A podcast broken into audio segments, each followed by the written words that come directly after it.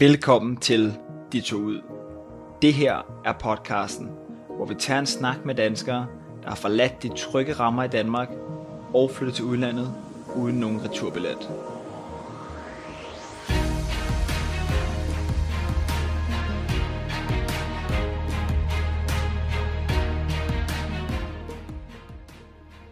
Tanken om at tage ud og bo i et andet land permanent har altid fascineret mig. Og jeg har da også boet i USA, Australien og Spanien, men kun i perioder på op til halvanden år. Jeg ved ikke om tanken er lagt helt til grunde, eller om den nogensinde bliver det. Nu vil jeg i hvert fald høre fra andre danskere, der har taget springet og ikke set sig tilbage. Jeg hedder Ulrik Larsen, og du lytter til podcasten De tog ud.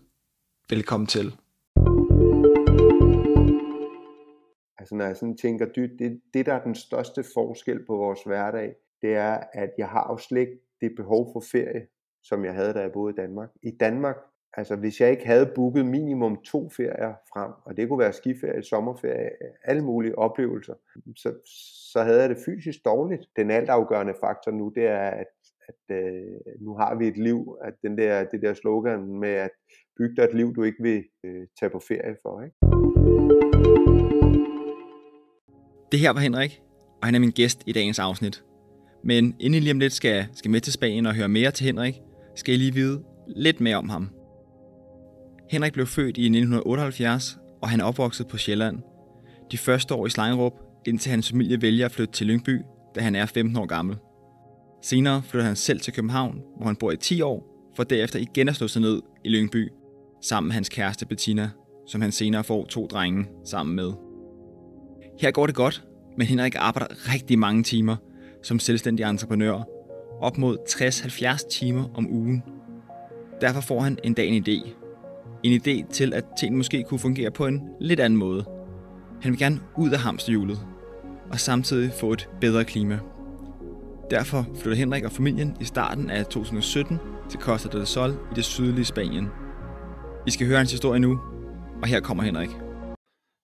Velkommen til øh, podcasten. De så ud, Henrik. Mange tak. Mange tak. Det er stærkt, du har lyst til at være med. Det har jeg har glædet mig til, så godt det endelig lykkes at få, få lukket dig med her. Jamen, jeg har også øh, glædet mig, så det bliver spændende, hvordan øh, det forløber. Altså vil jeg sige lige til, til lytterne her, der er et par first i dag jo. Det er første gang, jeg har en, en celebrity med på podcasten.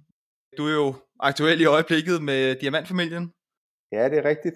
De har været hernede i foråret og, øh, og prøve, hvordan det er øh, at cykle rundt i bjergene. Så, øh, så det, var, øh, det var ret sjovt.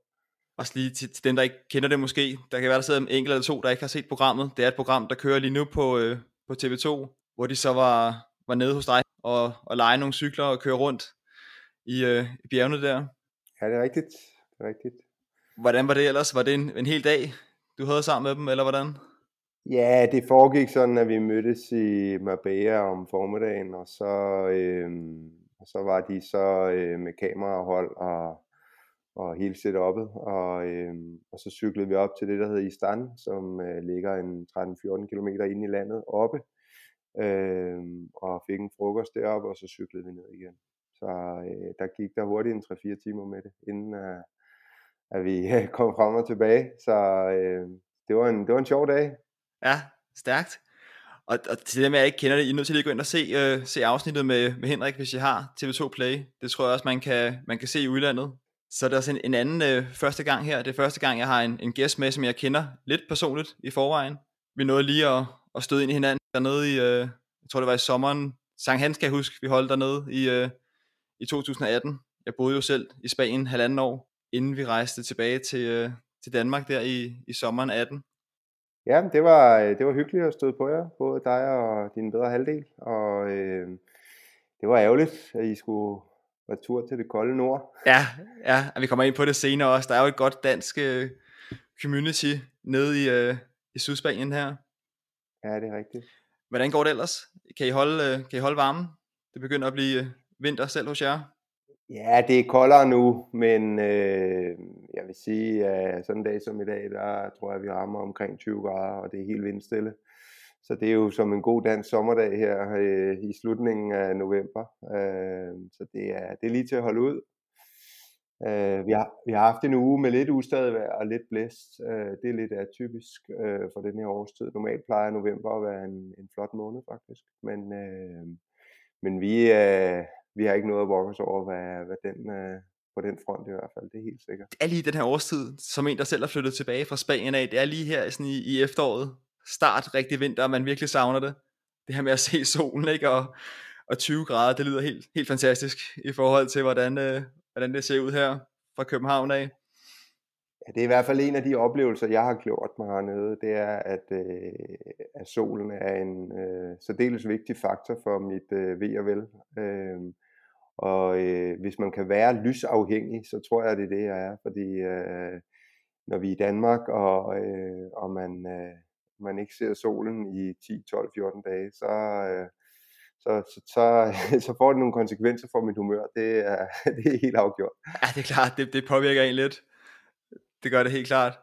Jeg har lidt øh, opvarmnings-åbningsspørgsmål, kan man sige, som også ja. er gået lidt igen i nogle af de, øh, af de første afsnit. Men, øh, men til at starte med, og du skal ikke tænke for meget over det her, det er egentlig bare din første indskydelse.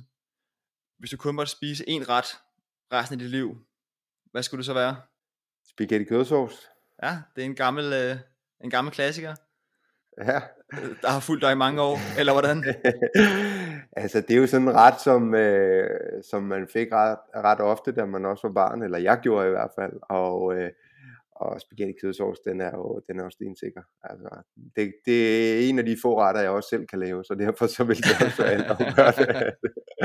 det holder det selvfølgelig en, en pointe, hvis man ikke har en, øh, en kok til rådighed, så det, øh, det er en god, ja, god pointe. Præcis, præcis, præcis. Så. Og hvis du så kunne bo hvor som helst i verden, der er ingen øh, begrænsninger her, hvor skulle du så bo henne? Lige umiddelbart her, hvor jeg bor. Vi er, øh, vi er selvfølgelig langt væk hjemmefra, hvis man kigger øh, sådan, sådan helt geografisk, men, øh, men tidligere der boede, øh, eller det gør de stadig, øh, min svigerfamilie i Jylland, så øh, der havde vi også altid tre timer, nu har vi tre og en halv time til Danmark i en flyver, så, så, øh, så det, er, det, er jo ikke, det er jo ikke en dagsrejse, hvis man skal besøge familie, eller de skal besøge os. Så. Nej, helt klart, så, så tidsmæssigt er det, er det det samme, men vejrforholdene og de andre ting, vi skal tale om nu her, altså måske lidt sjovere, end det er i, i Jylland. Ja, afgjort. Men lad os starte med lige få placeret, hvor det er, du bor henne. Jamen, vi bor i øh, Sydspanien, øh, nærmere bestemt det, der hedder La Cala de Mijas, og det ligger midt imellem øh, Malaga og Marbella. Vi har 25 minutter hver vej. Øh, 25 minutter til lufthavnen og 25 minutter ind til Marbella cirka. Så, og La Cala er en lille kystby, som ligger, vi bor tæt på vandet. Vi bor halvanden kilometer fra vandet, sådan en lille smule oppe. Og har både udsigt ned til vandet og, og også til bjergene bagved. Øhm, og La Cala er en, en god by for os, fordi at der er liv året rundt. Øh, vi har skolerne, hvor øh, drengene også går i skole, og, og der er ikke samme turist øh, muligheder. Øh, der er ikke særlig mange hoteller, og øh, der er mange fastboere, så det er fantastisk for vores behov. Jeg skulle sige, at der er nok en del af lytterne, og mange danskere generelt, der har været på ferie nede i det, i det sydspanske der. Men, øh, ja. men er det et fedt område? Det er det godt nok. Men der er mange turister, det, det har du ret i. Jeg boede jo selv i øh, Benalmádena Pueblo, der ligger sådan godt op i, øh, i højden der. Jeg kan huske, der var nogle, nogle gode bakker, jeg tror, det gik bare ja. lodret opad næsten i, i 3-4 kilometer. Præcis. Men, men det har du ikke rigtigt dernede. Der kan du også komme ret, ret let ned til, øh, til stranden.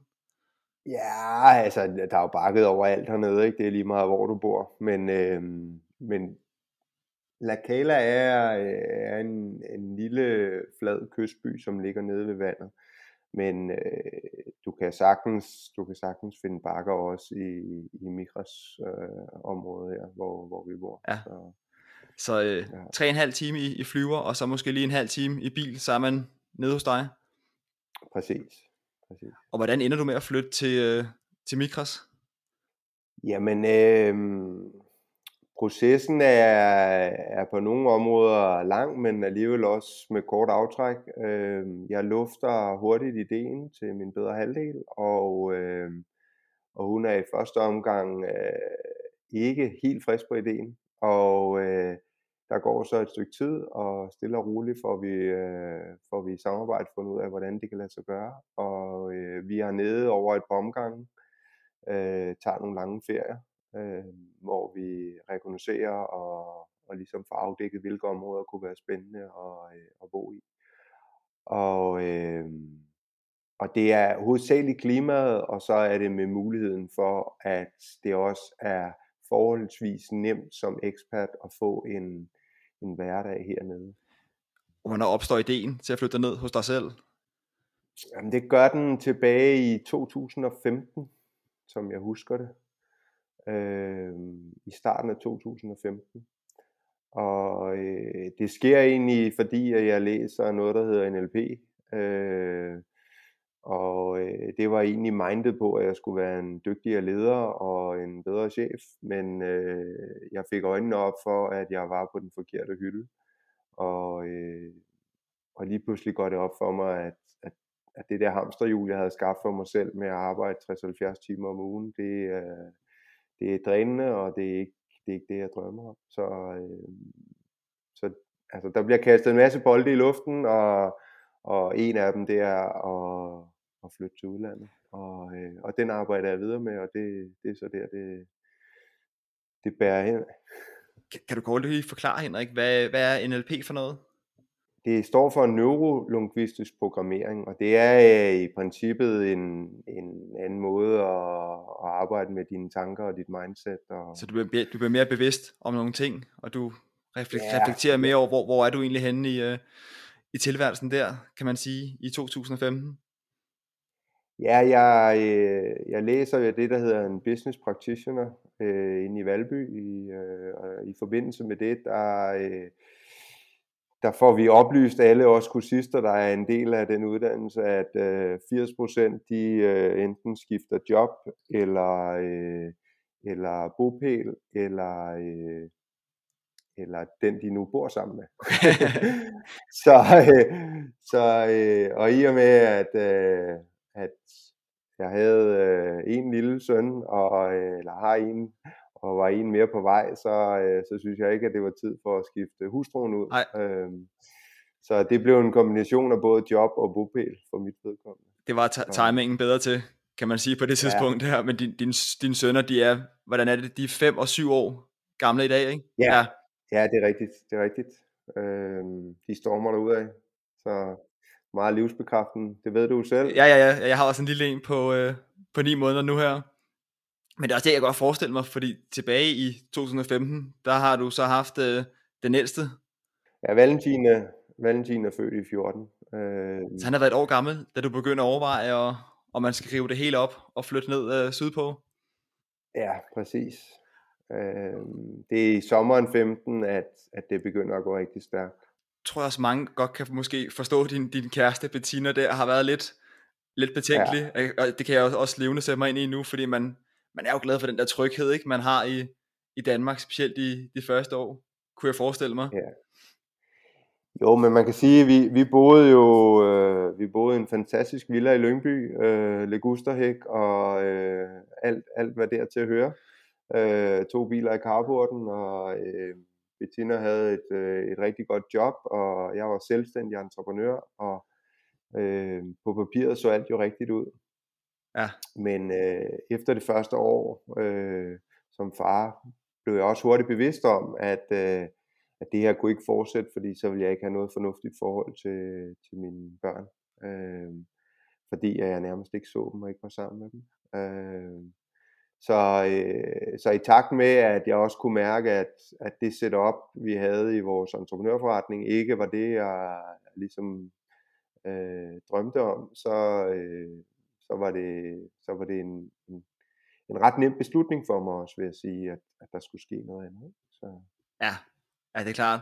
Og det lykkedes, du, du bearbejder Bettina lidt over øh, halvanden, to år, kan jeg regne ud. Jeg ved, du ender i, i Spanien i starten af, af 17 så det er, det er en periode på to år, du du ligesom bearbejder. Hvornår begynder Bettina at knække lidt så? Jamen, øh, nej, det står faktisk ikke klart for mig, hvornår, men på et tidspunkt, så, øh, så er det som om brækkerne falder lidt på plads.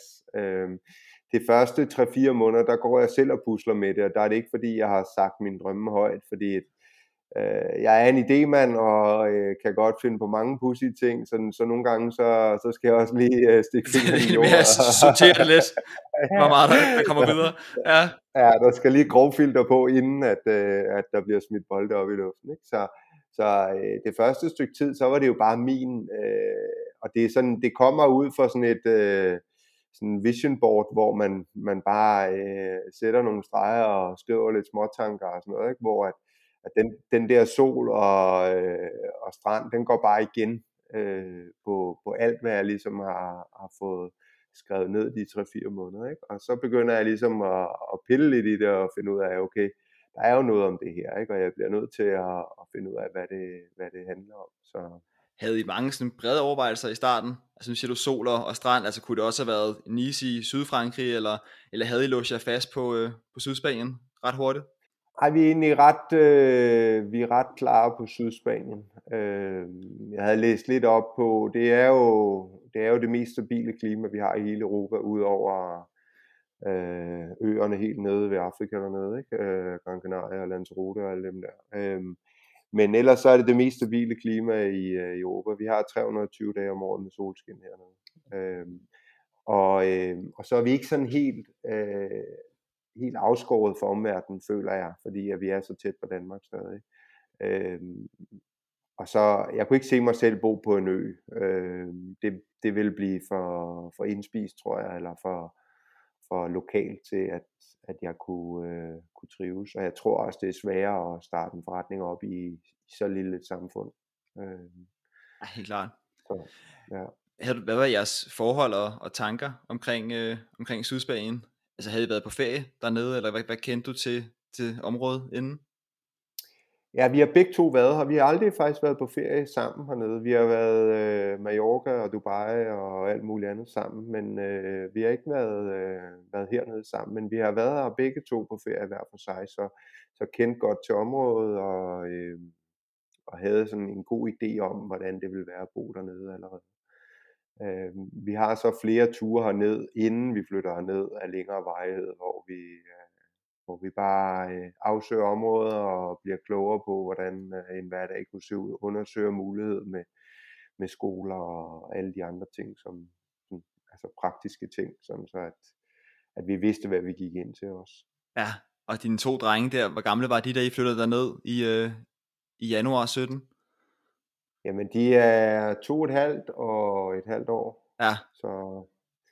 Altså, der, der skulle lige afklares nogle ting omkring det, det ene og det andet der. Ja, ja det vil jeg sige. Øh, den lille, han, han, han har jo helt sikkert ikke øh, registreret noget af, hvad der er foregået. Øh, den store har stadig også en ret god alder i forhold til at flå ham ud af hans, øh, hans hverdag i Danmark. Øh, det vigtigste parameter for så små børn, det er, at de har os, Øhm, og vi var der jo om nogen. Øh, de første ja, 8-9 måneder, der laver vi jo ikke noget, der, der der prøver vi bare at lande dernede og, og ligesom få, få styr på, hvad skal der foregå, og, og hvordan skal det her se ud fremadrettet. Så, jeg skulle til at sige, for lige at få styr på, på timeline der, og hvad, hvad var din oprindelige plan, da I, øh, da I så bestemmer jer der i slutningen af, af 16, for nu tager vi afsted, nu flytter vi ned til, til Sydspanien? Jamen, der var i virkeligheden ikke rigtig nogen øh, plan. Øh, planen var, at vi skulle være mere sammen, og vi skulle, øh, og vi skulle som udgangspunkt have et sabbatår, og vi lovede hinanden øh, et, to år hernede som udgangspunkt.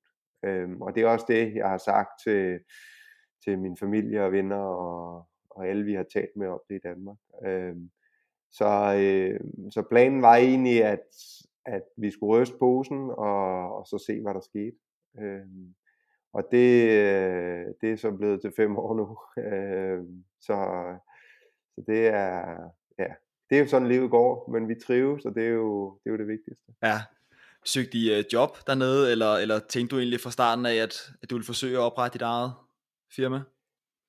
Jeg har været selvstændig i 15-16 år, øh, så, øh, så hvad det angår, der, øh, der har det hele tiden været klart for mig, at hvis jeg skulle noget, så skulle jeg være selvstændig hernede også. Øhm, vi vidste ikke rigtigt, hvordan der var ledes med, med Bettina, øh, hvordan der var ledes, men, men nu har vi lavet en virksomhed, hvor vi, hvor vi kan arbejde sammen, men stadig lave det, vi er dygtige til hver især i virksomheden. Så det er fantastisk. Og hvad er det for en virksomhed, I har, I har lavet nu her? Jamen, vi har lavet en, øh, en virksomhed, som hedder Bike Starto, som udlejer cykler. Øhm, og det foregår på den måde, at ligesom hvis du skal bruge en bil, når du er ude at rejse, så booker du cyklen online, og øh, vi sørger for at tilpasse cyklen øh, til, øh, til forbrugeren, og øh, så leverer vi den ude på adressen og afhenter den igen. Og det er en gennemsnitsleje ligger på et sted mellem 4 og 7 dage typisk. Øh, I sommerperioder og hen over jul og nytår, der er der oftest lidt længere lejeperioder, men øh, det er sådan, det foregår. Det er, det er high-end cykler, øh, det er, som jeg siger, det, det er oftest dobbelt så dyrt at lege en cykel, som det er at lege en bil i Sydspanien. Ja, det, er ikke så, det er måske ikke så god reklame, eller hvad Henrik kan sige, men... Nej, men sådan, så er jeg ærlig. ja, ja. Og, det er en, og det er en god oplevelse, og der må vi også bare referere tilbage til vores snak i, i starten her, at altså se det afsnit med Diamantfamilien, hvor Henrik er i en meget prominent rolle, vil jeg sige, Henrik, du har i, i det afsnit ja. her, ikke? og du, du prøver at hjælpe dem med at komme rundt på de her cykler, og de ser sgu lækre ud, det gør de. Altså man får da lyst til at komme ned og, og cykle i, i bjergene dernede. Jeg, jeg trænede jo også meget dengang jeg var der. Altså jeg trænede meget rundt i, i bjergene og cyklede rundt, da jeg var dernede ja. og, og bo også. Fede områder.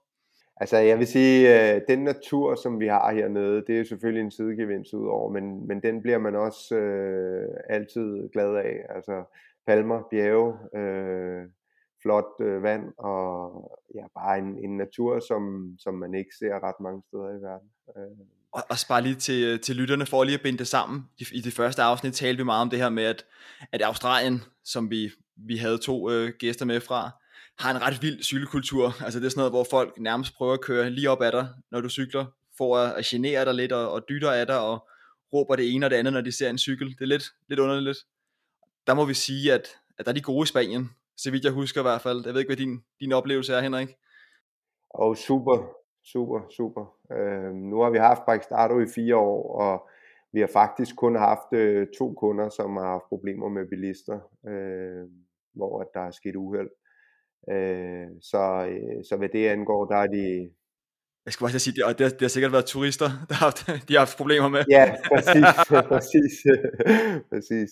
Spanierne er uhyre disciplineret. Der er også en ret streng lovgivning omkring det, og du skal have minimum at have halvanden meter, øh, for at du må overhale øh, ind til en cyklist. Så tit, hvis man ligger og kører opad op i bjergene, og så, øh, så, så kan du have en helt kødrand af biler bagved dig, fordi de bare ligger bagved stødt og roligt og venter på, at der er plads. Øh. Men det er sjovt med den, den regel, altså det hedder det faktisk også i Australien, det hedder også halvanden meter, men jeg tror bare, det kommer meget ned til kulturen, fordi jeg kan godt genkende det, du siger, at de, de venter bare fint bagved, og, og få der plads til at overhale. Ja, men Spanien er jo øh, uhyre dygtig i alle, alle livets facetter til at, øh, til at passe på de svage. Og, øh, og der er bare en, en ret hård øh, lovgivning omkring. Øh, jeg har hørt fængselsstraf faktisk, hvis, øh, hvis man bliver taget i at, at genere cyklisterne. Så, Sådan. Ja. Jeg bare, bare lidt tilbage til, til firmaet, at du får det til at lyde lidt let. Altså er det bare at, at oprette et firma, ligesom det er, hvis jeg går ind på, øh, på en hjemmeside i Danmark og siger, nu vil jeg gerne lave mit eget enkeltmandsfirma? Ej, øh, hele den del, den, øh, den har jeg jo stadig ikke øh, vendet mig til. Øh, Spanien er øh, på mange områder et fantastisk land, men, øh, men der er også en del udfordringer. Øh, alt, hvad der hedder administrativt inden over det offentlige og sådan noget, det er, det er helt fuldstændig langhåret at, at tumle rundt med. Øh, men øh, vi har stiftet det, der hedder et SL-virksomhed, øh, som er sidestillet med et APS i Danmark. Øh, det, det er noget nemmere at stifte det, der hedder et autonomo, som er et enkeltmandsvirksomhed. Øh, men i og med, at jeg vidste, at, øh, at jeg havde større visioner for, for den her virksomhed, så, øh, så, er det, så er det vejen frem i forhold til at kunne have ansatte og sådan forskelligt. Så. Fedt. Og det er også bare for at få, få lytterne med, fordi at det her det er jo også en, en podcast, hvor nogle af dem måske sidder og forhåbentlig drømmer om at gøre nogle af de samme ting, som, øh, som du har gjort, så man, man skal have, det kan jeg huske, at jeg var heldig, at jeg havde en, et arbejde på et dansk hospital, der hedder Montebello, hvor jeg var som fysioterapeut. Så jeg tror, vi blev taget lidt mere i hånden, end du måske har, har været fra starten af, Henrik. Men jeg var nede, yeah. jeg var nede selv at få oprettet det, man kalder et ni-nummer. Det var også, som du yeah. beskriver, en, en oplevelse for sig, ikke? hvor man sidder på en, på en spansk politistation, og ikke rigtig kan forstå, hvornår man skal komme ind, og så meget gammeldags får man nogle papirer i, i højre og venstre, der skal... Jamen, jeg husker det jo helt tydeligt. Øh, første gang, der kommer vi ned, og, øh, og vi gerne øh, øh, have oprettet de forskellige ting. Så får vi at vide, at vi kan komme derned om tirsdagen imellem 9 og 10 for at bestille en tid. Det vil sige, i det tidsrum, der kan du få lov at bestille en tid. Op, oplagt. og, og vi kommer der ned klokken, jeg tror den er 9.30, efter vi har afleveret ungerne i øh, børnehave, og øh, vi får så at vide, at ah, nu er alle tiderne taget. Så nu kan vi komme ned næste uge. så, øh, så det er sådan, det foregår. Øh, så øh, ugen efter var vi der jo så klokken 8.59, god militærtid, øh, et minut før for, for at bestille tid, og så lykkedes det så få en, en tid. Øhm, men, men altså, vi har så mange øh, sjove episoder fra den tid, hvor at, øh, at, øh, at vi, vi, kunne, vi kunne dårligt få lov at blive oprettet i systemet, øh, fordi vi ikke havde noget arbejde, og fordi vi ikke havde startet en virksomhed på det tidspunkt. Øhm, selvom man kunne påvise, at man havde penge på kontoen til, at man kunne klare sig selv, og øh, alle de der forskellige ting, så, så, var, det, øh, så var det nærmest umuligt at blive registreret i systemet. Øh, øh, det er jo svært for mig at forstå, som, som altså, jeg, jeg, kommer jo, jeg kommer jo ned for at bruge penge, og for at være en del af samfundet. Og... Jeg tænker også, I har haft økonomien i orden. Altså, I har jo I havde lige solgt ja. huset, I, I havde i Lyngby, ikke? Inden I tager afsted. Ja, præcis præcis. Øh, så, så øh, men det er, jo, det er jo det, som, altså, som jeg også øh, værdsætter så meget ved at bo hernede. Det er, at, at på mange områder er spanierne jo meget anderledes, end vi er. Og, øh, og det er en kæmpe gave og også en læring at, at se, hvordan andre mennesker de ligesom øh, oplever verden, og hvordan et liv også kan leves. Ja, men man, øh, man kunne godt ønske sig, at den der proces kunne foregå online, eller et eller andet, tænker man, ikke?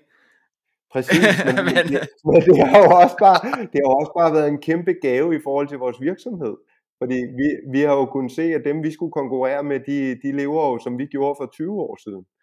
Øh, mange af dem har jo ikke engang hjemmeside, og de tager ikke telefon, hvis man ringer. Vel? De forventer, at man kommer ned forbi øh, deres dør og håber på, at de så er, er hjemme og ikke holder siesta og, ja. og har de ting på lager, som man godt kunne tænke sig. Øh, så, øh, så, så hele den del er jo en kæmpe gave, og det er også derfor, vi har valgt at sige, at vores virksomhed kun skal være online. Vi har ikke en fysisk butik.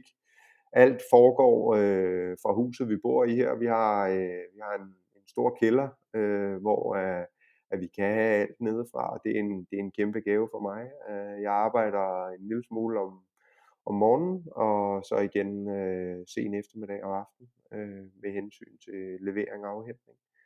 Så, øh, så det er, ja, det er en kæmpe fordel, at, at, de er, at de er bagud på mange parametre. Men også, ja. også i forhold til, også, også i lytterne her, altså det, det er jo relativt, altså det er til med at gøre at komme ned og starte en virksomhed i Spanien. Der er, som Henrik og, og jeg siger, ikke, der, er no, der er nogle ting, man lige skal igennem. Men, men i forhold til for eksempel USA eller Australien og sådan noget, hvor man virkelig skal kæmpe med, med visager og, og sætte sig godt ind i det, så har vi jo mange rettigheder i Spanien som, øh, som EU-borgere. Jeg tænker, at vi faktisk, vi kunne nok være der, så længe vi har lyst til. Egentlig, det er kun det her med, når du vil lave et firma, så skal der selvfølgelig lige styr på nogle, øh, nogle papirer, eller, ja. eller 50. Ja.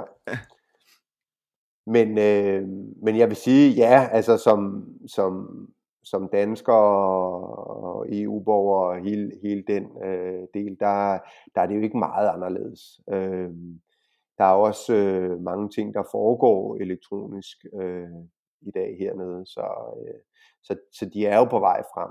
Men øh, det, det, der lidt står stille, det er, at, at mange af de spaniere, som arbejder i, i de forskellige positioner på, på de offentlige instanser, de er, de er måske ikke øh, så omstillingsparate, og, og, øh, og når man kommer som øh, kartoffel til, til et andet land, så, øh, så altså, man bliver bare ikke altid øh, øh, hjulpet på samme måde, som, som hvis man var indfødt, og det, det må man jo bare tage med. Det er, også, det er også det der med, jeg ved ikke, har du, har du fået lært spansk sidenhen? For jeg tænker også, det kan, være, det kan gøre det endnu sværere selvfølgelig, at, at de ikke taler super godt engelsk, og det er jo selvfølgelig også fair nok, det er, det er deres land selvfølgelig, men, men det gør bare kommunikationen lidt mere udfordrende nogle gange, hvis man, ja. hvis man ikke selv snakker super godt spansk. Ja. Altså det er lidt, kan jeg huske. Ja, mit, mit spanske er ikke øh, super godt. Jeg kan utrolig mange ord. øh, men at, øh, at lave en, en samtale hernede, det er rigtig svært. Også fordi andalusisk, det er jo lidt som, som sønderjysk eller bornholmsk. øh, hvor at, øh, at hvis man hører radio fra, øh, fra Barcelona eller Madrid eller ser tv, så, så er det en helt anden, øh, helt anden måde at tale spansk på, end man gør hernede i Andalusien. Så, men min bedre halvdel og begge drengene, de er jo flydende i spansk, så, øh, så vi er begyndt at træne lidt mere, øh, men jeg har bare ikke sprogører, det må jeg bare erfare. Der er mange ting, som øh, jeg synes, jeg er dygtig til, men lige nøjagtigt sprog, det, det er ikke en af mine spidskompetencer. Jeg tror også generelt, det, det er bedre at lære sig noget som, som femårig, end det er som, øh, som nogle af 40-årige, kunne jeg forestille mig. Ja, jeg kan jo se, de, altså, de taler jo begge to tre sprog allerede. Ikke? Øh, og det er, det er jo en kæmpe gave. Altså. Ja, jeg kan sige, så. de lyttere af jer, der er med, der, der bor omkring, øh, i, altså bor i Spanien eller kender til området, ved jo også det her med, at, at de er ikke så super skarpe i engelsk i, øh, i Andalusien og Sydspanien, men det giver også en, en god mulighed jo for, at man rigtig kommer i gang med at snakke, snakke spansk, ikke? Man, man har muligheden, i hvert fald, hvor at, jeg tænker, hvis du flytter til Danmark for eksempel, så, så snakker alle danskere jo engelsk til dig ret hurtigt og du har måske ikke den samme mulighed. Så det må du øh, gribe, hvis chancen er der. Ja. Jeg spiller en del paddle med, med mange af de lokale spanier, og det, det hjælper mig lidt. Øh, så, øh, så det går den rigtige vej. Det går den rigtige vej. Problemet er jo, at, øh, eller ikke problemet, men øh, vi har ikke rigtig nogen spanske kunder. Øh, alle vores kunder er fra alle andre lande i Spanien. Øh, så, øh, så det meste foregår jo på engelsk, øh, eller dansk, norsk, svensk, som er en stor del af vores kundegruppe også. Så, øh, så hvad det angår, der er, øh, behovet er der, men så ikke alligevel. Er det primært øh. skandinaver, der kommer ned og, og der er cykler hos dig? Ja, det er det. Øh, jeg vil mene omkring 40-45% er fra Skandinavien.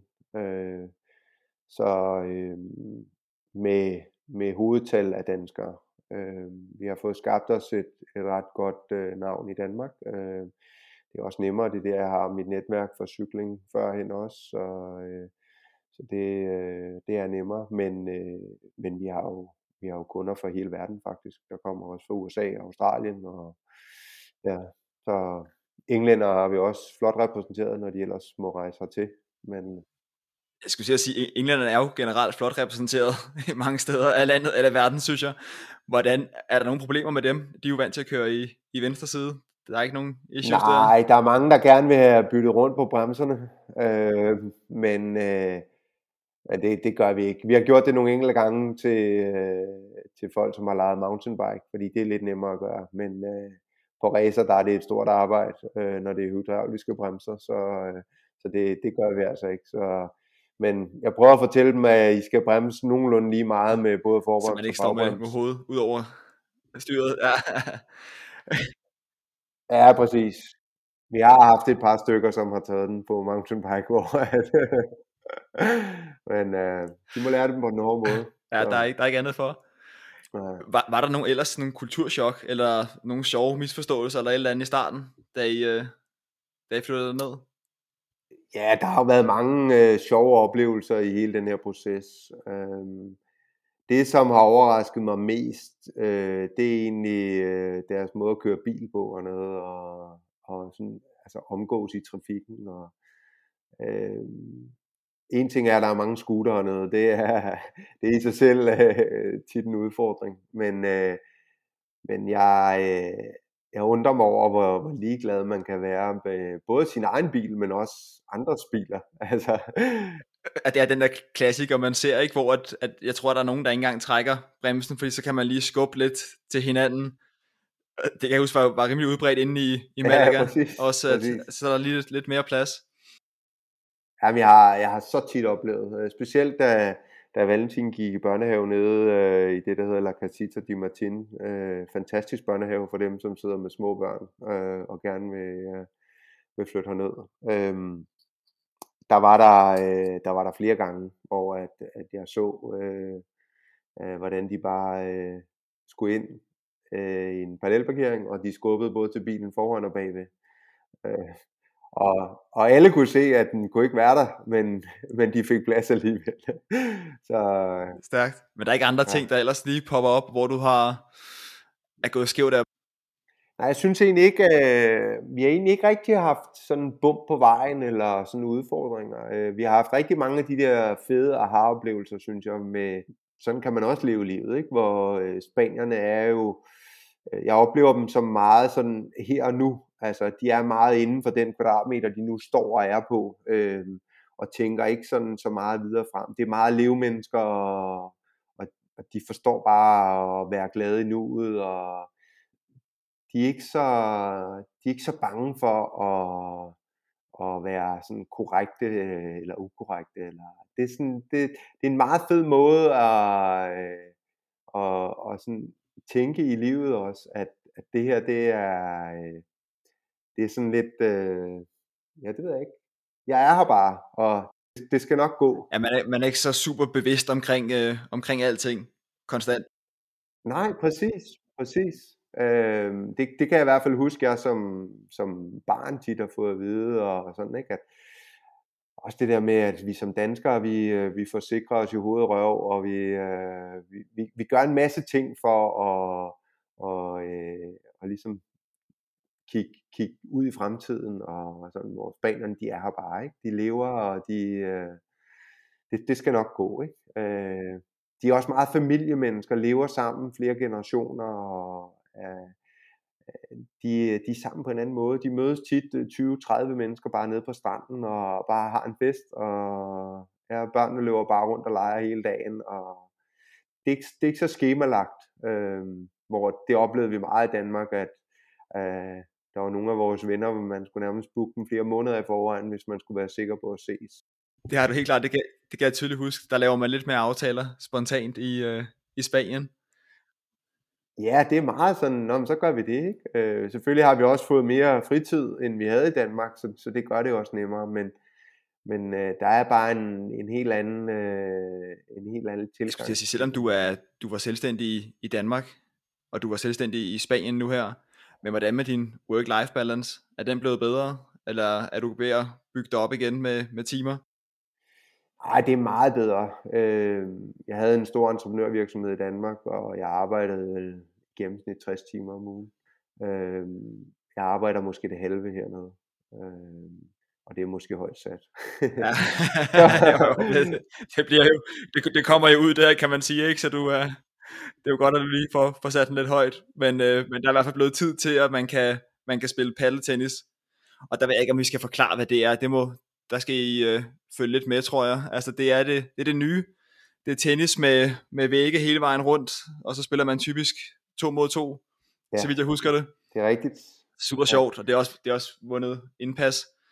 Jeg bor selv i, i Ørestaden her, der har vi fået et, et paddelcenter, der er udendørs, godt nok. Racket Club, eller hvad er det? Eller er det Halo derude? Jeg ved faktisk ikke, hvad den hedder. Det kan godt, den hedder Halo. Det er en, øh, en otte baner ved siden af Fields. Det store. Ah, ja, det er Halo. Ja.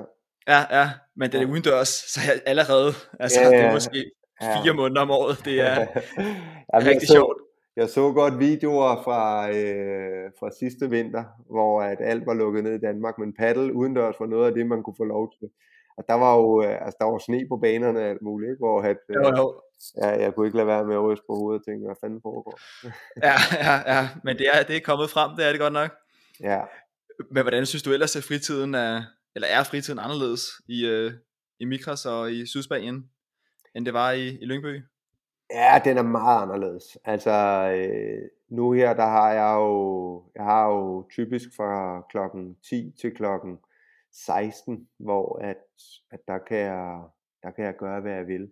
Ofte så har jeg lidt cykler, der skal klargøres i løbet af dagen til næste dag, men, men øh, det, det tager ikke særlig lang tid. Øh, så øh, jeg får styrketrænet, jeg får cyklet, og jeg får spillet paddle, og det kan jeg oftest klare øh, i dagstimerne, når drengene er i skole. Øh, jeg spiller også en del paddle sent om aftenen, fordi det er ikke alle, der er så privilegeret som jeg er, og har tid i løbet af dagstimerne. Men øh, jeg har blandt andet en paddelkamp i dag, her 12.30, så, øh, så det er... Kører du, øh, kører du sådan en old school siesta? Altså, det lyder lidt sådan, at du tager lige nogle, nogle timer der, hvor du ikke slapper af, lyder det så også til, men, men du får lavet nogle andre ting end at, end ja, at arbejde i hvert fald. Jeg vil elske at få siesta hver dag, men det, det får jeg ikke. Det er meget, meget sjældent, når jeg får en middagslur. Øh, det er også, jeg, jeg har svært ved bare at ligge et kvarter 20 minutter, som man jo skal, hvis du skal have noget ud af det. Ikke? Så, så øh, ja, når først jeg er i gang, så er jeg i gang. Så vil jeg hellere drage om kul, og så have en god nattesøvn. Men øh, det, den, den, den er på min ønskeliste i fremtiden, at jeg skal til at implementere en, en siesta i min hverdag. Det vil være fedt. Ja, det vil være en god øh, rutine at køre, ja. når man først kommer ind i det, tænker jeg. Ja. Hvordan, en anden ting, der også er lidt sjovt at runde, det her med, hvad gjorde I med lejlighed? Altså, var der nogle sider, I kunne, I kunne lege igennem, eller har I købt noget fra starten af? Nej, vi leger faktisk et, øh, det, der hedder et townhouse hernede. Øh, vi har... Øh, vi har et inderækkehus, øh, hvor vi har omkring 150 kvadratmeter bolig, og så har vi en separat lejlighed nedunder. Det er der, hvor vi har noget gæsteværelse og noget også, øh, men så har vi alle cyklerne dernede og, og forretninger etableret dernede. Øh, vi startede faktisk med at, øh, at skrive under øh, på en købsaftale på et hus hernede, og øh, vi deponerede også øh, 6.000 euro til en advokat, og øh, vi troede alt var godt.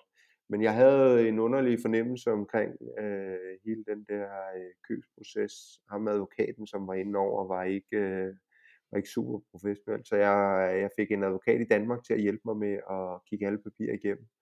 Og, øh, og han øh, finder så ud af, at hele, øh, hele stueplan ikke er godkendt til beboelse. Øh, og det var altså 150 kvadratmeter, som stod som garage.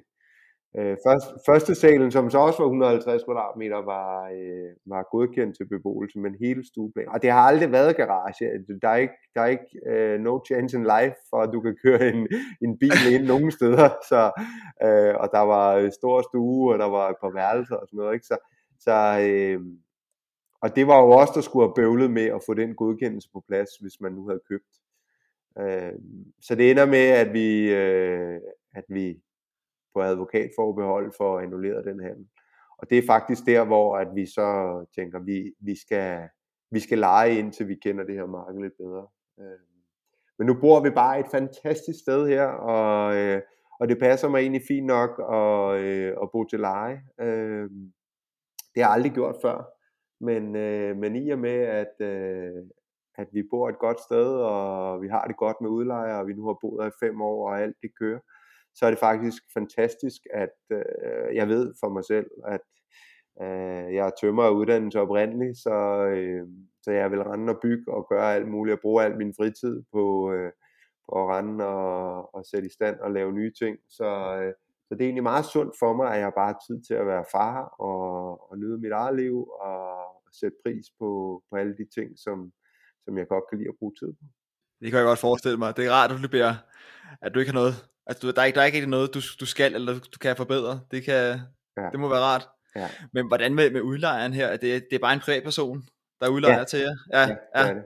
Og han bor lige 200 meter herfra, så, så hvis der skulle være noget, huset er fra, er det fra 2007, så det er, det er forholdsvis nyt byggeri, og øh, vi har tre badeværelser, vi har gulvvarme, og alt spiller, ikke? og vi ligger stik sydvendt, så vi har altid solen, også om vinteren.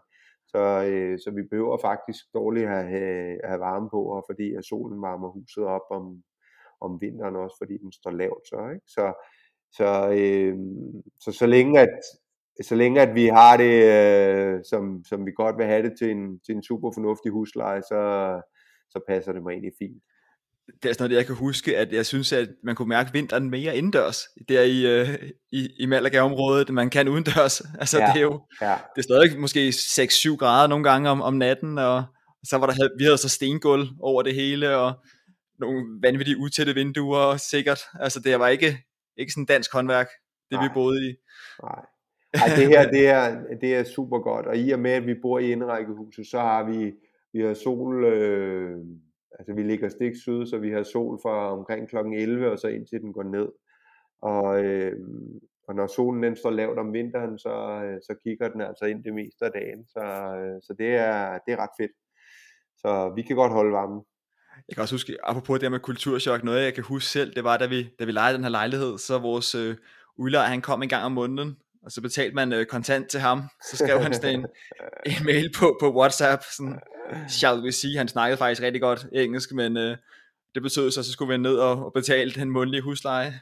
det, var, det tror jeg ikke, man, man kan køre på samme niveau i, i Danmark. Og, ej, alt vores det kører altså over betalingsservice øh, via ja, okay. via okay, bank, det... så vi, vi betaler ikke kontant her. nej, nej, nej, nej, nej. Jeg skal sige, God, God knows, hvad han har gjort, om han har betalt det. Jeg ved ikke, hvad der har, hvordan det har været med, med skat og moms og det ene og andet. Men, det øh, tror jeg han, ikke, han har. det, må, det, må, det må han lægge hovedet med. man, siger jo, man siger jo, at 40% af økonomien i Spanien stadig er sort. Så. Ja, ja, ja. Så øh, når man ser arbejdsløshedstal og sådan noget, så skal man lige det med et fordi der er mange af de unge mennesker, de, øh, de er ansat på bar rundt omkring til øh, 6-7 euro sort i timen i stedet for, og så, så kører det på den måde. Men det er ikke et godt tidspunkt lige at tage den. Altså, det er, ikke, det er ikke fordi, altså, skatteprocenten er ikke så, så vanvittigt høj, men, øh, jo, men, men, men selve indtjeningen heller ikke. Det er faktisk lidt misforstået, fordi øh, jo mere du tjener, jo mere betaler du i skat. Øh, okay. Og øh, hvis, hvis du giver dig selv en, en fornuftig løn, så betaler du faktisk en del i skat hernede. Så ja. øh, de fordele, der var for 10-15 år siden hernede, de er, de er ved at blive udlignet. Så, så man skal ikke som udgangspunkt rykke hertil øh, på grund af skattefordelene, fordi lønnen er så meget lavere. Ja, det, altså, det, synes jeg, det kan, det kan jeg huske, huske, at den var, øhm, men, men købekraften, altså tingene var billige, altså i forhold til Danmark. Ja, ja, ja, ja, altså du kan jo fylde en kurv i, øh, i det lokale supermarked for cirka øh, det halve, hvad ting ja. koste i netto i Danmark. Ikke? Øhm, og så, så er det som udgangspunkt bedre kvalitet også. Ikke? Altså sådan noget som frugt og grønt og sådan noget andet, det er jo helt, helt enestående. Øh, det, det er noget af den største omvæltning at komme tilbage til Danmark og så få et normalt æble eller en peberfrugt eller en banan eller sådan noget i, i Danmark. Ikke? Når, vi har jo noget af det bedste frugt og grønt hernede, og det er, det er en kæmpe gave.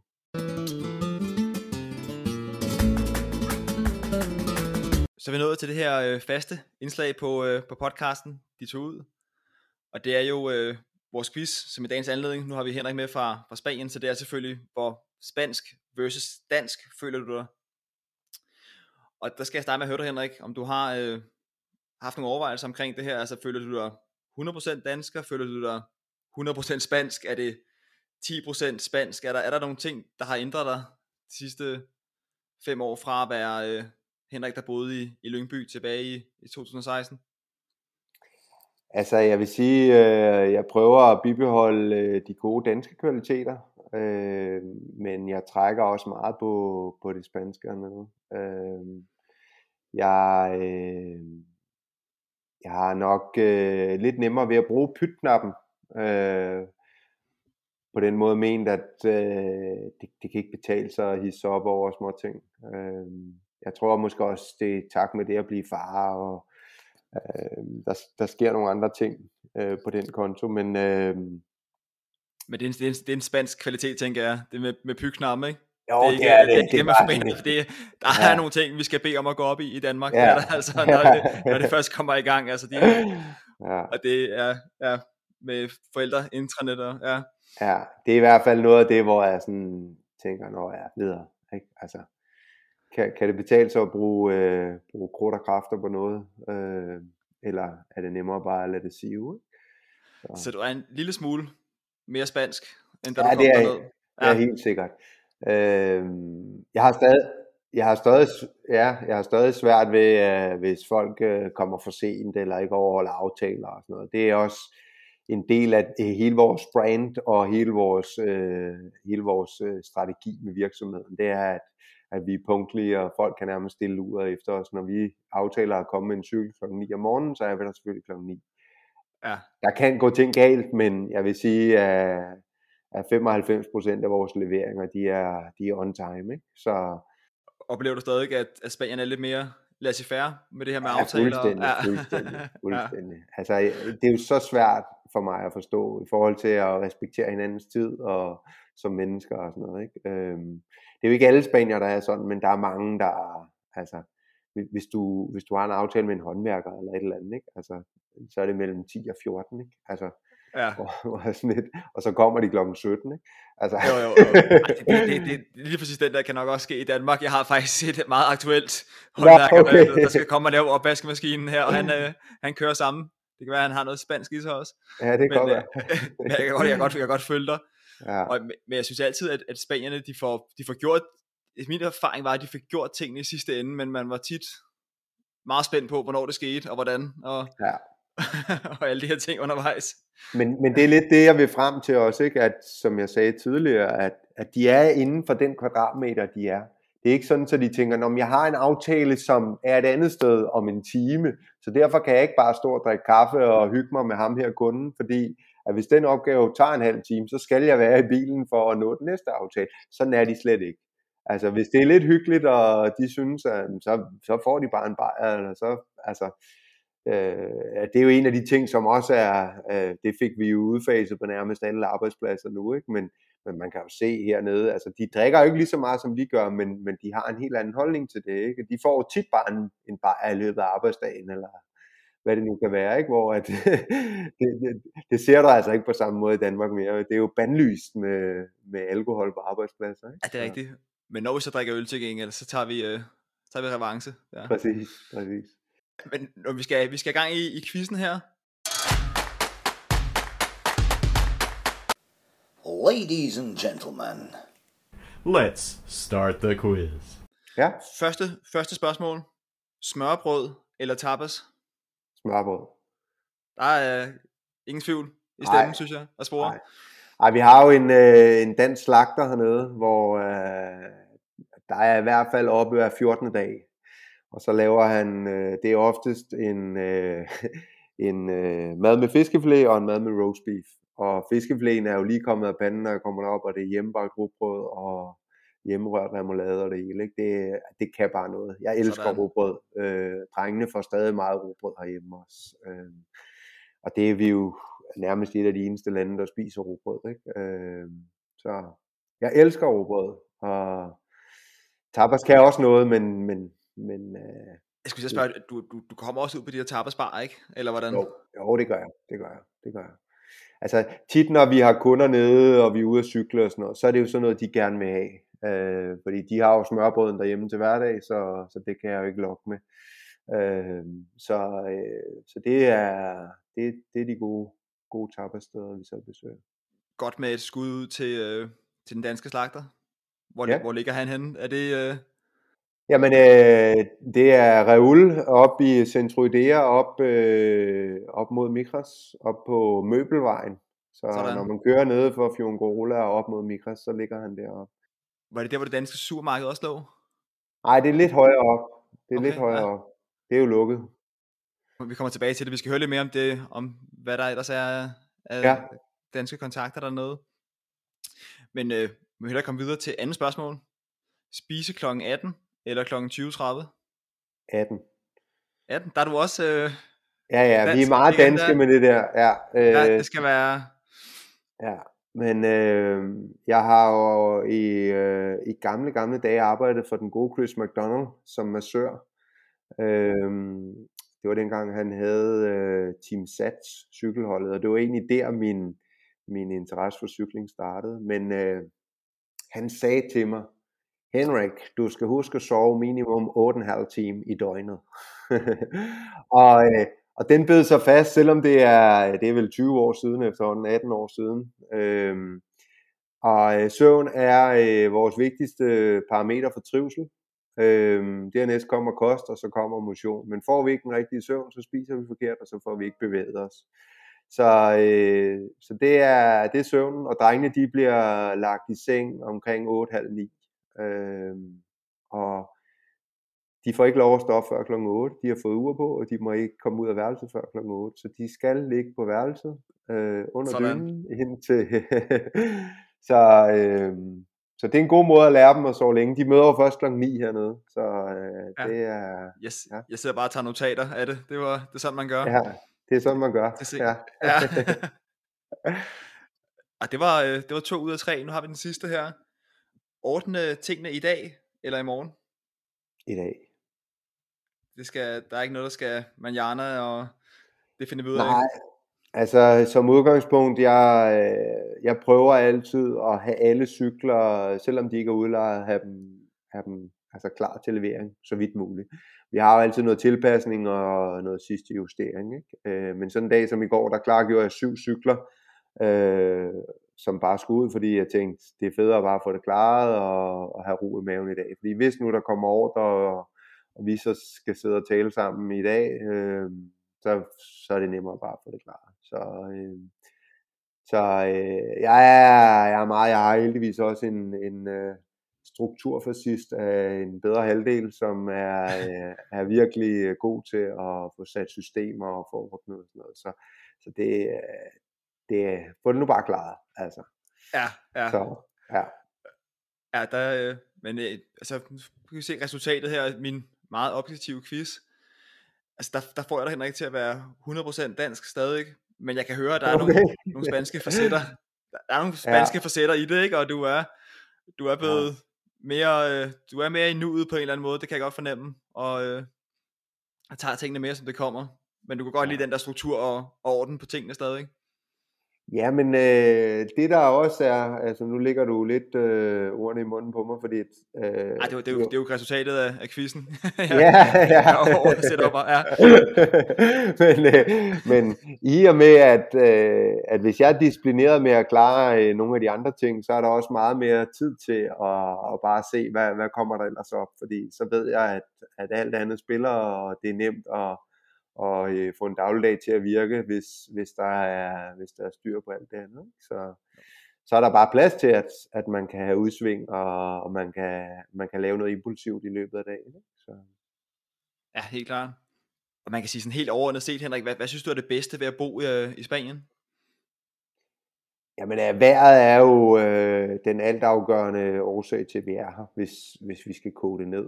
Øhm, og så, øh, så er det jo også en gave som familie at, øh, at være sammen hernede. Øh, det, der egentlig er, øh, altså når jeg sådan tænker dybt, det, det, der er den største forskel på vores hverdag, det er, at jeg har jo slet ikke det behov for ferie, som jeg havde, da jeg boede i Danmark. I Danmark, øh, hvis, altså hvis jeg ikke havde booket minimum to ferier frem, og det kunne være skiferie, sommerferie, alle mulige oplevelser, øh, så, så havde jeg det fysisk dårligt. Øh, så, øh, så, så det der ligesom er den, den, den altafgørende faktor nu, det er, at, at øh, nu har vi et liv, at den der, det der slogan med at bygge dig et liv, du ikke vil øh, tage på ferie for. Ikke? Altså, øh, selvfølgelig vi savner Danmark, men det er ikke sådan, så jeg har behov for at, at tage på ferie. Vi har jo to timer op til det, der hedder Sierra Nevada, hvor vi kan stå på ski. Øh, et, et fornuftigt skiområde ligger i 3.300 meters højde, øh, hvor at man sagtens kan få, øh, kan få afløb for de aggressioner, hvis man kan lide ski. Og ellers så har vi jo, øh, så har vi jo flotte strande. Øh, vi har alle muligheder for at, at øh, lave alle de, de sjove ting, som, som det nu indbyder til hernede. ikke? Øh, Så det, det er meget med, med livsstilen, og, og det med, at man får set solen, det kan jeg godt følge dig. Jeg synes, det er en super inspiration, det her Henrik, også du siger med, at, at ligesom få et liv, man ikke, man ikke vil flygte fra. Altså man Ja. ikke vil, vil væk fra. Det kan, jeg, det kan jeg rigtig godt lide, den idé der. ja. Det synes jeg, jeg tror, der er mange, der, der sidder derude og tænker, at, øh, at det kunne være, man skulle springe ud i det. Og som du sagde, give det et år eller to, og se om det fungerer. Ja, vi har jo øh, vi har jo et vennepar, som flyttede ned sidste sommer. En kammerat, som jeg har kendt i 15-16 år i Danmark. Øh, hvor at, øh, at jeg tager ikke æren for, at han er flyttet ned, fordi den, den skal de selv have 100%, men de var hernede af flere omgange og besøge os, og, og vi har sparet utrolig meget omkring den del. Og, øh, og jeg tror, øh, at jeg har altid haft den tilgang, hvad er det værste, der kan ske. Øh, og man kan sige, at i det her tilfælde, så har det været, at, at hvis det ikke går, og hvis vi ikke trives, så, så tager vi hjem igen, eller også så gør vi noget andet. Øh, og selvfølgelig så kommer det til at koste nogle penge, hvis man kigger sådan overordnet på, fordi hvis man tager ned og ikke laver noget et år, og, og skal forfra i Danmark, så, øh, så har det selvfølgelig kostet nogle penge. Men øh, nu har vi jo startet en forretning, som, som på sigt har vist sig at være øh, en fornuftig investering.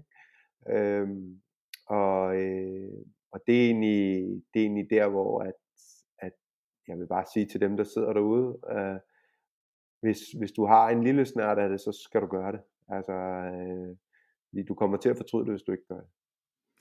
Og, og som du også er inde på, det, det er også noget, jeg altid selv har tænkt, det, det er næsten bedre at fortryde, at man gjorde noget, end ja. at man ikke gjorde noget. Så sådan har jeg tænkt lidt over det i hvert fald.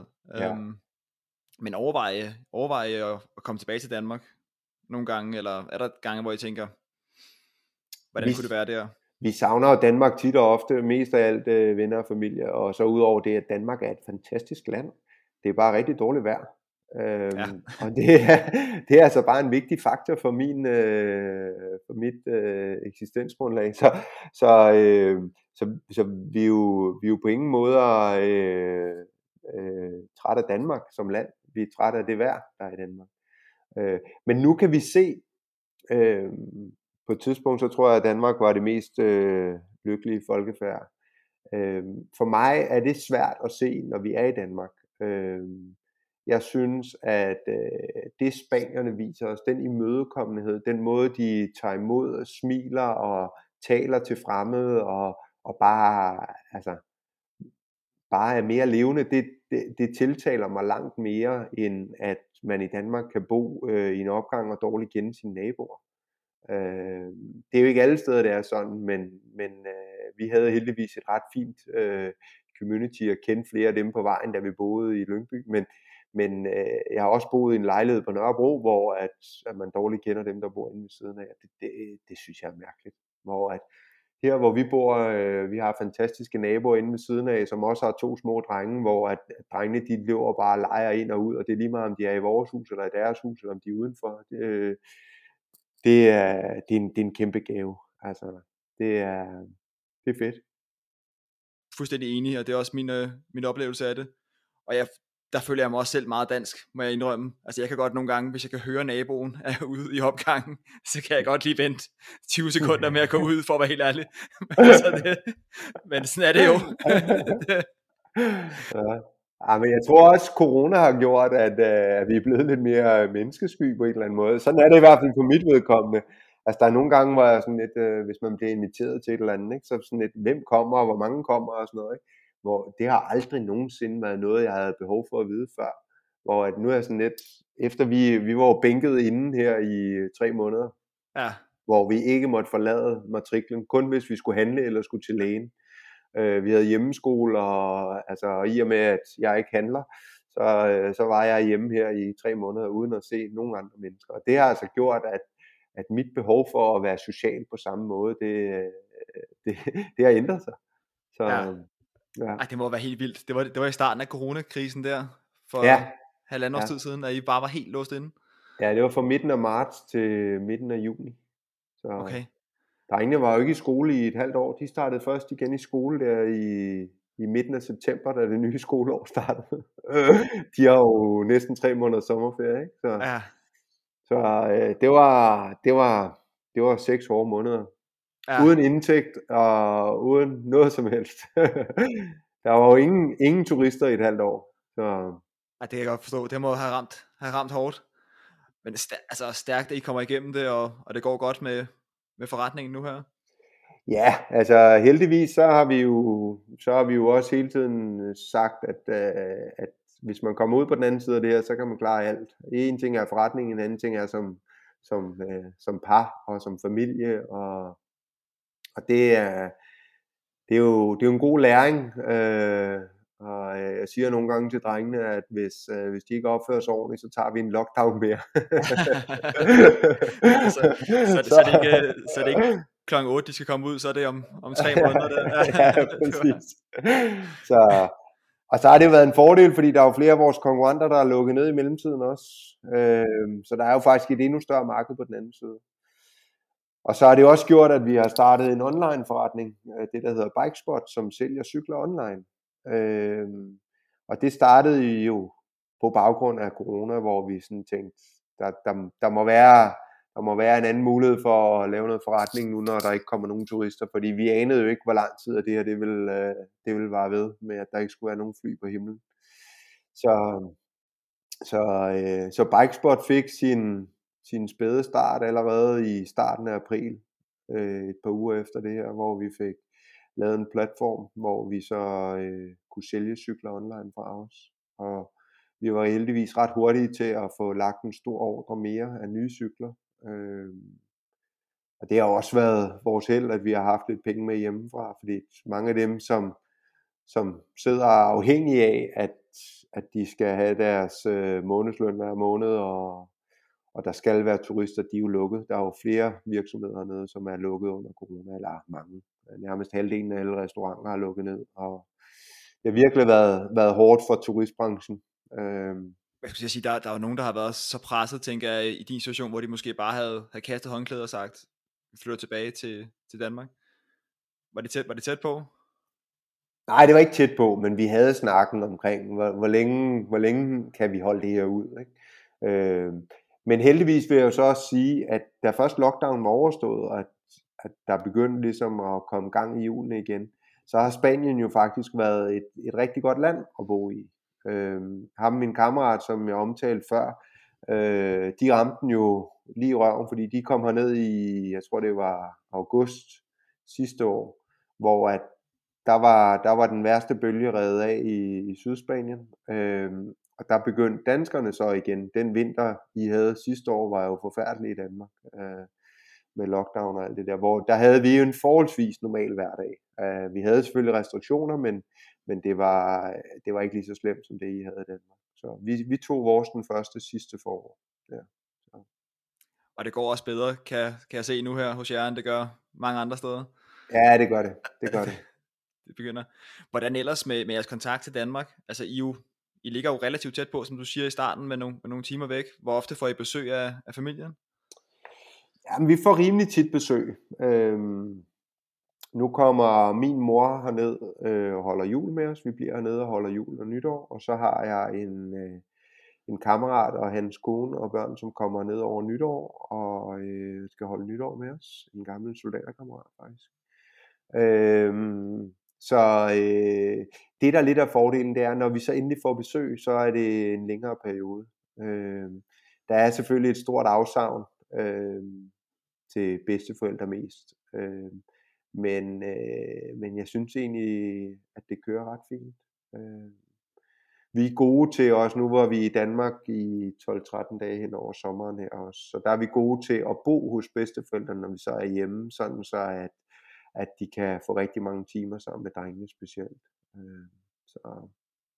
Men ellers er der jo, der er jo mange øh, super gode øh, muligheder for at at opdatere og, og være sammen uden at være sammen, forstået på den måde med FaceTime og sociale medier og alt sådan noget. Så, øh, så jeg synes egentlig, at det er okay. Men, øh, men corona har da helt sikkert gjort, at, at det ikke har været nemt.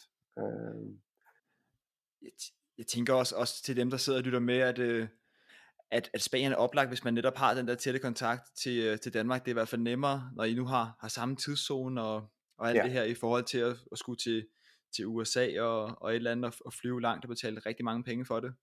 Ja. Og så har man mulighed for at købe en, en sommerbolig eller et eller andet i samme område, som, øh, som I bor i for eksempel, hvis man gerne vil være endnu tættere på, eller, ja. eller ja, bo der nogle dage. Så mange, mange gode muligheder der. Hvordan med dine, øh, dine børn nu her? Går de så i en international øh, institution, eller hvordan med det? Nej, de går i spansk skole begge to. Øh, vi har rigtig gode skoler her i La Cala, så, øh, så vores plan er egentlig, at, at de unge år skal gå i spansk skole. Øh, og nok når de er omkring 10-12 år, så tror jeg, at de skal på international skole de lærer engelsk og, øh, og taler også, men engelsk er deres tredje sprog lige nu, ikke? hvor spansk er deres første sprog, og, og dansk er deres andet sprog. Øh, så, øh, så jeg tror, at, at en, at en international linje, når de bliver lidt ældre, vil være foretræk. Men indtil videre, så, øh, så er det, altså, de spanske skoler her i La Cala, de, de gør det rigtig godt. Øh, den lille, han er fem, og han kan læse allerede, ikke? Øh, og taler tre sprog. Det, ja, det kunne jeg have i hvert fald ikke, da jeg var fem, det ved jeg da. Ej, det er en super, super baggrund. Ja. Altså, havde, havde, havde I nogle bekymringer omkring, at de vokser op i Spanien generelt, i forhold til at vokse op i, i Danmark? Er øh, problemet med, at øh, om de nogensinde lærer at binde øh, snørbånd, fordi de altid har klipklapper på, ikke? Ja. Nej, jeg vil sige, så, som udgangspunkt ikke. Altså, øh, jeg elsker jo den spanske mentalitet. Øh, den er jo meget mere gæfttrit og retning. Hernede, der svarer du altså ikke lærerne igen, fordi så, så bliver du bare sendt hjem til dine forældre, og så, og så altså, øh, de er jo lidt mere gammeldags også. Øh, man hører også om nogle gange, at at, øh, at farmand i familien er kommet til at, at løfte hånden lidt for meget. Ikke? Og altså, øh, de har også en, en, øh, en lidt anden tilgang til at, at tale lidt for højt til børnene og sådan noget. Ikke, ikke at vi praktiserer den del, men, men man kan se, at den smitter af på, altså, på alle, alle ting, som, som vi har med at gøre hernede. Ikke? Øh, sport og skole og sådan alt det der. Der er bare en helt anden respekt omkring øh, øh, ja, lige fra lærere til undervisere til altså hele den del, ikke? Øh, ja. Og det, det synes jeg er det synes jeg er super fedt. Altså øh, de skal være der klokken 9, ellers så bliver de ikke lukket ind. Øh, ja, det kan og, noget. Og, og de, de står alle sammen øh, skoleret bag skolen, indtil at de har sagt godmorgen, og så de får besked på, at nu må de sætte sig ned. Øh, jeg ved ikke om du så, altså apropos TV2 Play, der var jo der er et program for nylig også, hvor man ser sådan en dansk folkeskole, og man kan godt se, det er, det er hårdt for læreren at holde styr på ja. det. Ja. Det, det må, ser du noget dansk streaming også? Ellers? Nej, det, det er faktisk ikke meget øh, dansk fjernsyn, jeg ser. Øhm, drengene ser en lille smule øh, Ramachan og sådan noget, men vi har heller ikke en helt stor tv-pakke. Vi ser næsten ikke fjernsyn. Øhm, så, øh, Følger du med i danske nyheder ellers? Altså hvad der sker på... Nej, øh, nej, nej, nej. nej, nej. Nej, nej jeg, øh, jeg bliver deprimeret af danske nyheder, så øh, jeg tager dem ud af min hverdag. Øh, jeg får jo nyheder via øh, de sociale medier, og jeg tror faktisk også, det er den nyhedskilde, hvor at, at man hurtigst får nyheder i dag, fordi at, at øh, hvis der er en, der ser, nu den og den død, eller nu er der sket sådan og sådan, eller hvad det nu kan være, ikke? At så, så, så bliver det lagt op på de sociale medier. Så, så jeg synes egentlig, det er rigtig fint at få, øh, så kan jeg selv plukke i det også, alt efter hvilke nyheder man gerne vil opsøge. Øh, så, så algoritmen i dag er jo sporet til, at så får man nyheder omkring det, man, man taler om, og det man gerne vil have nyheder om. Ja. Øh, så, så det passer mig fint. Men nej, det der med at have TV2 News kørende i baggrunden, det, Nej, nej, nej, nej. Nej, det, det, det bliver jeg deprimeret af. det er nok en god idé også. Det kan godt være, at jeg skal se at følge den idé. Det er, ja. Ja. Hvordan ellers, altså nu talte vi om den, den danske slagter der.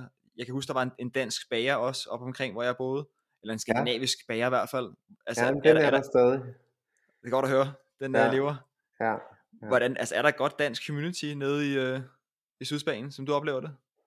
Ja, det synes jeg egentlig. Øhm, der er rigtig mange af, af min eller vores generation hernede, øh, familier med småbørn, som, øh, som, som har entreprenøren i maven, og, og som så laver forskellige tiltag. Øh, og, og det, der lidt er spændende hernede, det er, at, at man, man møder altså nogle mennesker, som man ikke typisk vil møde i Danmark. Der er jo så mange forskellige måder, man, øh, man, kan, man kan leve sit liv og tjene penge. Og øh, der er jo rigtig mange, der også spørger mig, øh, hvor sådan, hvad laver du? Sådan, jeg leger cykler ud. Hvad tjener du så penge på? hvor jeg sådan, jamen, så leger jeg endnu flere cykler ud. Ikke? Hvor, ja. at, øh, at, at der er nogle brancher og nogle forskellige øh, ting, som, som man tænker, Nå, kan man også, kan man også tjene penge på det? Ikke? Så, ja. ja. Og hvor, hvor tænker du, I er om 10 år? Hvis du skal skyde fra, fra hoften af? Åh, oh, 10 år. Den var... Altså 5 år, der, der vil jeg sige, der er vi i hvert fald stadig hernede. Om 10 år, der er jeg ikke sikker på, at vi er her. Men, men jeg kunne ikke se, hvorfor vi ikke skulle være her. Men jeg kan se, at der er mange, som har gjort samme model som os, flyttet herned, mens børnene er små, og som så begynder at have børn i øh, konfirmations efterskolealderen, ikke? altså den der tidligere pubertetsalder der, hvor så søger mange af dem mod Danmark. Øhm, så tager de et, et, øh, et år på efterskole, eller så vil de gerne hjem og læse øh, en gymnasiel uddannelse i Danmark og sådan noget. Så, så jeg vil ikke udelukke, øh, at, at det kommer til at ske. Men vores fordel er her, at, at i og med, at de er meget spanske drengene, øh, deres bedste venner er jo spanier, øh, så, så, så har jeg svært ved at se, at, at de skal rykke mod Danmark, men man ved jo ikke. Nej, nej, nej, nej, det er, det er svært at spå om. Men ja. det, det, er også, det lyder som om, I sagtens kunne se jer selv bo der nede jeg kunne i sagtens mange, i mange blive gammel. Jeg kunne sagtens ja. blive gammel i Spanien. Jeg Altså, siger, som, som minimum, Henrik, vil jeg sige, så kommer jeg ned til jer som, øh, som 60 år i hvert fald, og holder pension dernede, det kan jeg love. men men øh, ja, det, der, der, kan jeg, der skal jeg også bede om, at det bliver lidt godt vejr, ikke? og man kan sidde og, Ja, og hygge sig ja. lidt i Ja. forhold til det vinter, vi har her.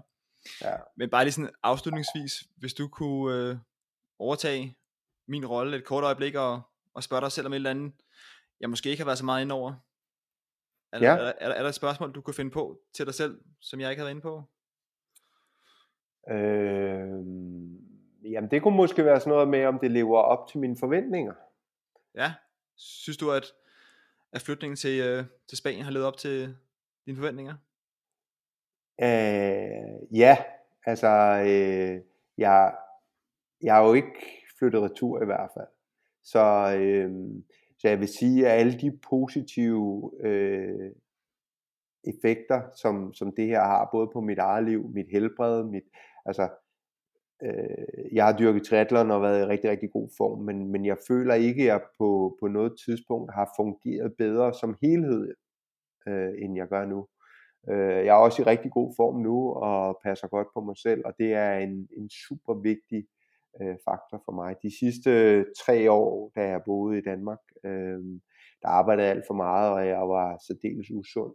Øh, og, øh, og det er bare vigtigt, som, som jeg sagde øh, tidligere, at øh, få 8,5 timer søvn, øh, få spist noget ordentligt mad og få bevæget dig.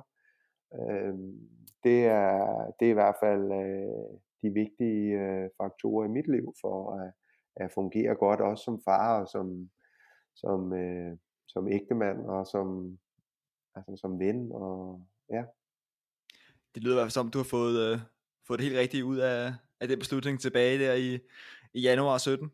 Ja, Hvad præcis. hedder det? øh, Og lige til allersidst, Henrik, hvad vil du sige til andre, der måske sidder og tænker, det kan godt være, at jeg skulle tage ned til Spanien uh, alene, eller med, eller med børn også, og, og rive det hele op herhjemmefra? Jeg vil sige, øh, hvis, hvis du har en lille smule udlængsel, så gør det.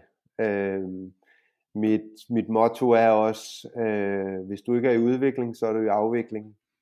Og øh, Stærkt. det, det, er, det er en af dem, som jeg bliver ved at fortælle mig selv, at hvis vi, hvis vi ikke gør noget proaktivt for at enten blive en bedre version af os selv, øh, eller, eller sørge for, at, at, vi, øh, at vi bliver skubbet en lille smule ud for, for vores øh, trygge zone, så, øh, så, så synes jeg, at livet bliver kedeligt. Så, øh, og igen, hvad er det værste, der kan ske? Altså, det, det, kan kun, det kan kun blive en læring, lige meget hvordan og hvorledes.